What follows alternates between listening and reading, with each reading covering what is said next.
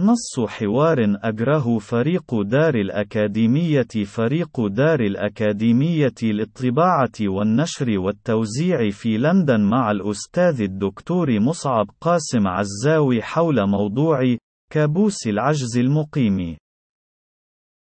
فريق دار الأكاديمية ما هو رأيك بإحساس العجز المقيم بين جل أبناء المعمورة، والمتمثل في تصورهم لعدم قدرتهم على القيام بأي فعل يحتمل أن يؤدي إلى تغيير فعلي في الكيفية التي تنظم إيقاع مجتمعاتهم؟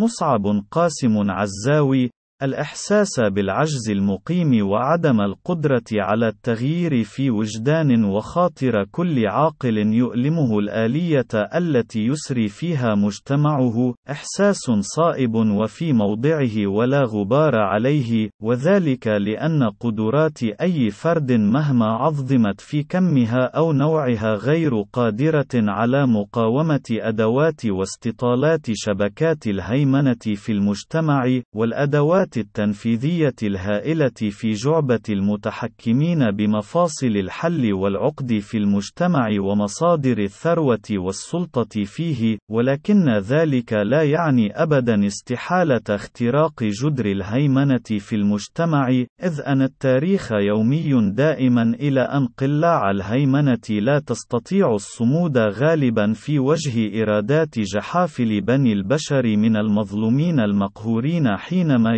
يتلمس أولئك المعذبون طريقا لحشد وتنظيم أنفسهم في جسد اجتماعي واحد يتوازع فيه الأفراد أدوار أعضاء الجسد برأسه وقدميه وذراعيه، بحيث يتحرك ذاك الجسد المجتمعي في ضالة واحدة تتمثل في تهشيم قوى الهيمنة.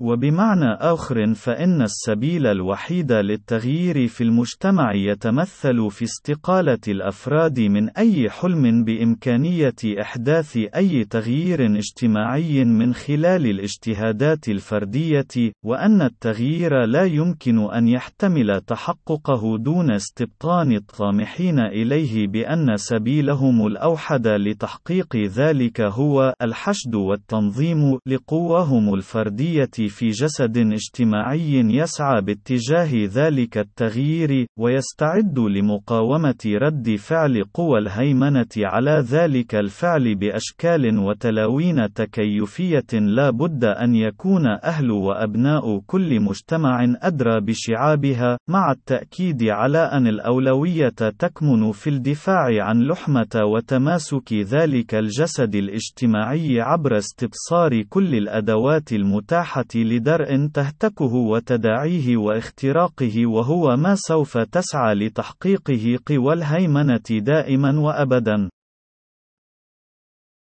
ولا يمكن التقليل من جلل تلك المهمة الكأداء خاصة في ضوء التعضي الشيطاني المهول لوسائل القمع التي لا تجد الكثير من الفئات المهيمنة في غير موضع من أرجاء الأرضين أي ضير في استخدامها، كما هو الحال في جل المجتمعات العربية، والتي بز مستبدوها كل عتاة القهر والعسف القدماء والمعاصرين منهم بإبداعاتهم الأمنية، ووسائل تعذيبهم، وأقبية ودهاليز فروع استخباراتهم، وعديد جلاديهم، ومخبريهم، وعسهم، وبصاصيهم، ولكن ذلك لا يعني استحالة الاجتهاد من أجل حشد وتنظيم إرادات وطموحات المقهورين المستضعفين، وهو الاجتهاد الذي لا بد أن يكون هادفا وحاذقا ومبتعدا عن احتمال تحول تحوله إلى تضحية مجانية على مذبح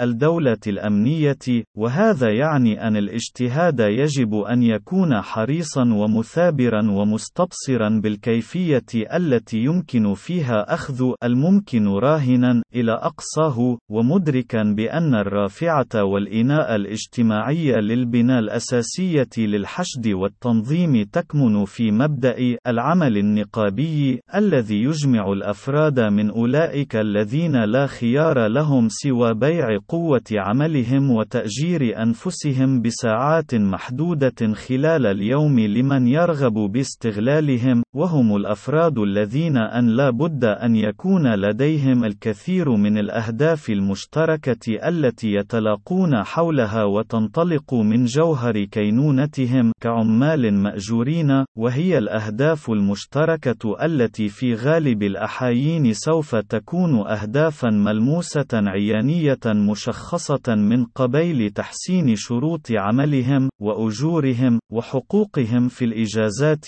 والطبابة، والمعاش التقاعدي، وغيرها، ودون كثير من الحمولة الإيديولوجية التي يختلف البشر حول صلاحيتها وصوابيتها، وما فتأت تبعدهم عن إدراك ضالاتهم المشتركة وذلك التصور يحيل العمل النقابي ليكون أهم الروافع الأساسية التي لا بد من الاتكاء عليها في سياق أي اجتهاد لحشد وتنظيم جحافل المفقرين المقهورين في المجتمع للسعي باتجاه تغيير موازين القوى وقلب مفاعيل الهيمنة في المجتمع. ومن ناحية أخرى فإن تأصيل التنوير والعقلانية والرشاد كجزء من الأدوات المعرفية لجحافل المقهورين المفقرين لتكشف أسباب بؤسهم في حيواتهم، وانغلاق آفاق مستقبل أبنائهم، يمثل جهدا واجبا على كل قادر عليه لما له من أهمية جوهرية في استنهاض قدرات العقل البشري الاستثنائية في كينونة أي من أولئك المقهورين المستضعفين، وتمكينهم من الأدوات المعرفية التي طالما سعت الفئات المهيمنة لإبعادهم عنها وحرمانهم من إدراكها، وإيهامهم بأن الحياة مختزلة في مثلث السعي لتحقيق الثروة، ومن ثم الاستهلاك، لإدراك المتع اللحظية السطحية التي ليس سواها من أهداف في الحياة الدنيا. وهنا يبزغ دور وواجب التنوير بكونه مهمة واجبة أسهن كشف الحقائق المستبطنة التي تحاول قوى الهيمنة إخفاءها، ومحاولة تقديم كل المعارف التي تسهم في تأصيل الاستنارة بشكل ميسر ومبسط يجعلها في متناول كل راغب باستبطانها وتحويلها جزءا من أسلحته الدفاعية المعرفية في وجه أدوات الهيمنة ومفاعيلها التضليلية التي تسعى دائما لإخفاء الجوهر الحقيقي لأسباب بؤس حيوات المفقرين المستضعفين، محيلة إياه إلى تقاعسهم وتكاسلهم عن السعي لإدراك مثلث الأهداف السالفة الذكر، وهنا يصبح التنوير مدخلا تأسيسيا لا بد منه لأجل زيادة فرص حشد وتنظيم الجسد الاجتماعي في إدراك أهدافه، وتوطيد إمكانيات صموده الصابر المصابر المتعقل الرشيد في معركته الوجودية السرمدية في مواجهة قوى الهيمنة وتلابيبها من طغاة ومستبدين وجلادين ووعاظ سلاطين.